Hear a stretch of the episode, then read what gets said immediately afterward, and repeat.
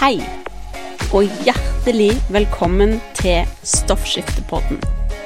Denne podkasten er for deg som har Hashimotos eller lavt stoffskifte, og har lyst til å lære mer om hva du kan gjøre med kosthold og livsstil for å få en bedre hverdag. Velkommen til episode 13 av Stoffskiftepodden. I dag så skal jeg snakke om et tema som mange nok opplever som litt eh, kontroversielt, og det er lavkarbo kosthold og lavt stoffskifte. Sjøl så har jeg prøvd både lavkarbo og jeg har prøvd eh, høykarbo, og i denne episoden så vil jeg dele med deg eh, mine erfaringer og mine tanker om et lavkarbo-kosthold. Så en av grunnene til at jeg tar opp dette temaet akkurat nå, det er det at eh, i julen, og egentlig i løpet av eh, hele desember, så har jeg spist litt høyere karbo enn det som jeg vanligvis gjør. Og i forrige uke da, så, så kjente jeg at det, jeg kjente at jeg hadde et behov for å endre litt på det som jeg spiser. Fordi jeg har, eh, jeg opplevd å ha mye hodeverk i det siste. Jeg har kjent veldig på det at jeg har hatt eh, et lavere energinivå enn jeg pleier å ha. Så i forrige uke så tok jeg litt tak, og så fjerna jeg alle de unødvendige karbohydratene fra kostholdet mitt. da.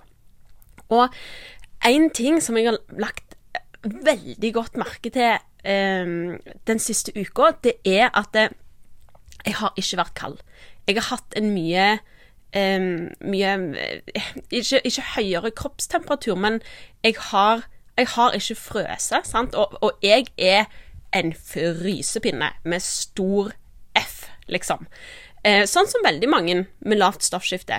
Det å eh, ha på to lag med ull og gå rundt ute akkurat som en sånn eh, Michelin-mann fordi jeg har på så mye klær, eller inne så har jeg liksom alltid på meg enten morgenkåpe eller er innpakka i et teppe, liksom, for å holde varmen, det, det er meg eh, til vanlig. Men den siste uka så har jeg faktisk vært mye, mye varmere enn jeg har vært i ukene før da. Og den eneste klare forskjellen som jeg har gjort, det er å kutte ned på antallet unyttige karbohydrater, da. Og det syns jo jeg er temmelig interessant. For jeg skal være helt ærlig med deg, jeg, jeg, vet veldig godt hvilken mat som er bra, og hvilken mat som ikke er bra for stoffskiftet. Men det er noe med at det, du glemmer det litt ut, sant. Altså, jeg glemmer litt ut eh, at, at jeg kanskje ikke har frøst så mye tidligere, sant? og så er det liksom bare helt Når du da begynner å fryse, da, for eksempel, så er det liksom det helt vanlig. Jeg liksom bare Jeg går rundt og er kald, sant. Du, du glemmer litt ut hvordan, hvordan, ting har vært, sant. Eh, for du blir så vant med det. Og så, og så blir det liksom ekstra tydelig når du hvis du ser du har kommet inn i et litt dårlig spor, og så gjør noen justeringer, da, så blir det veldig tydelig hva de tingene du vanligvis gjør, faktisk eh, hva, hva, de faktisk hjelper på, og hvor, hvordan det faktisk fungerer, da. Sant? Så eh, en av de mest positive tingene med et lavkarbokosthold, det er at det, det stabiliserer blodsukkeret ditt. Når du spiser mye raske karbohydrater, så svinger blodsukkeret ditt opp og ned. Og det påvirker hormonbalansen og stoffskiftet ditt negativt på, på flere måter.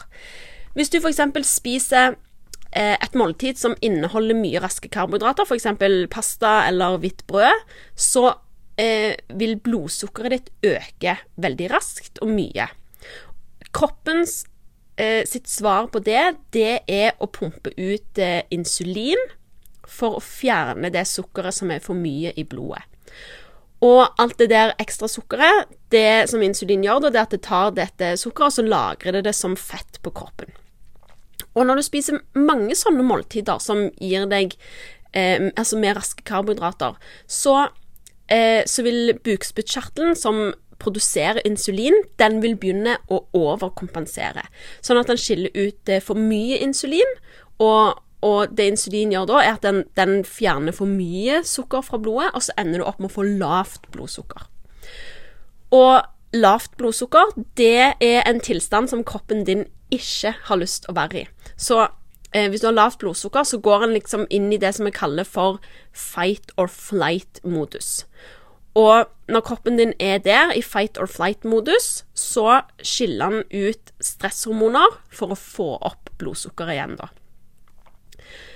Og disse stresshormonene de setter da en stopper for stoffskiftet ditt ved at de klusser til for både produksjon av stoffskiftehormoner, det eh, ødelegger for konvertering av inaktivt til aktivt stoffskiftehormon, og eh, det gjør at stoffskiftehormonene faktisk ikke klarer å komme seg inn i cellene for å gjøre jobben sin.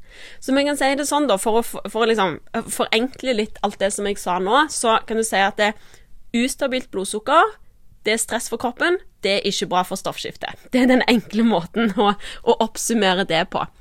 En annen ting som skjer når all denne insulinen er, sirkulerer rundt i kroppen din, da, det er at eh, kroppen lagrer all den ekstra energien som du spiser. Den blir lagra som fett på kroppen istedenfor at det blir for, forbrent, da.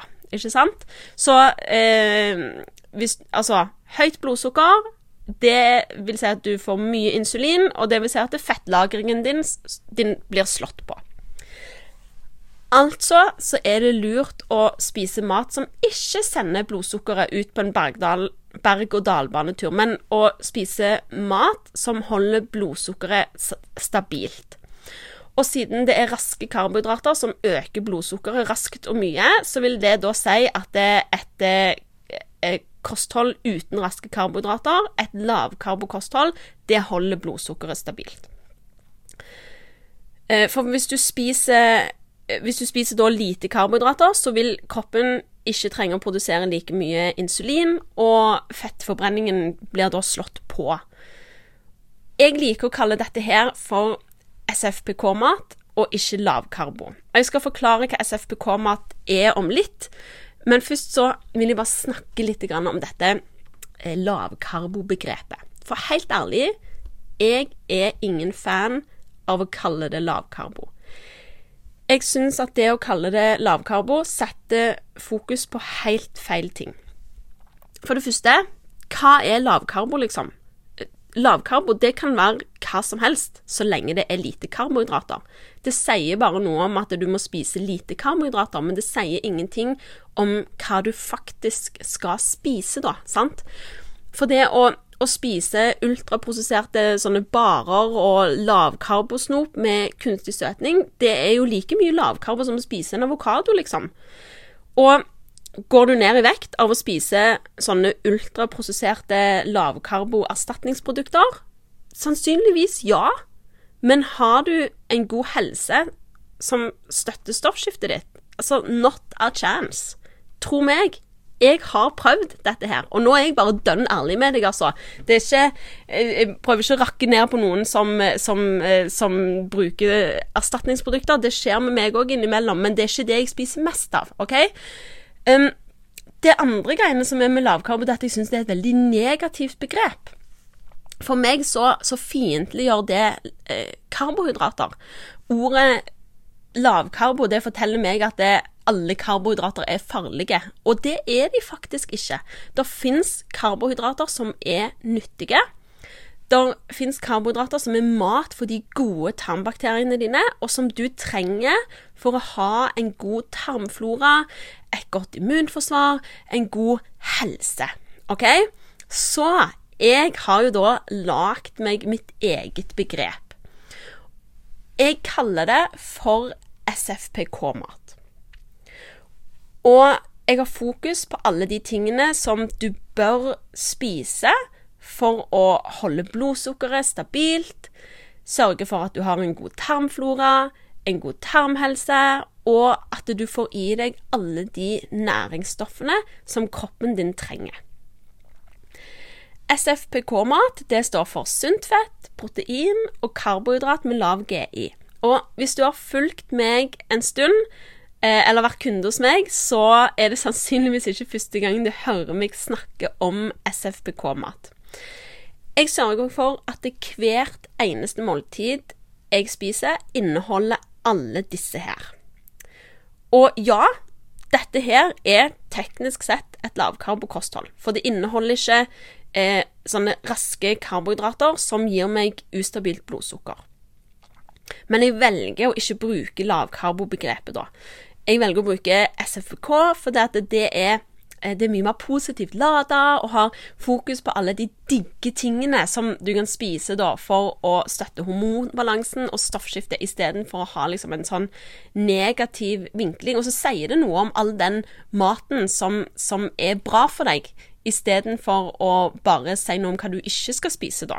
Skjønner du? Er du med? um, hvis du har lyst til å lære mer om SFBK-mat, så skal jeg faktisk ha et eh, gratis eh, webinar nå snart. Der går jeg gjennom eh, de tre stegene som jeg har tatt for å øke forbrenningen.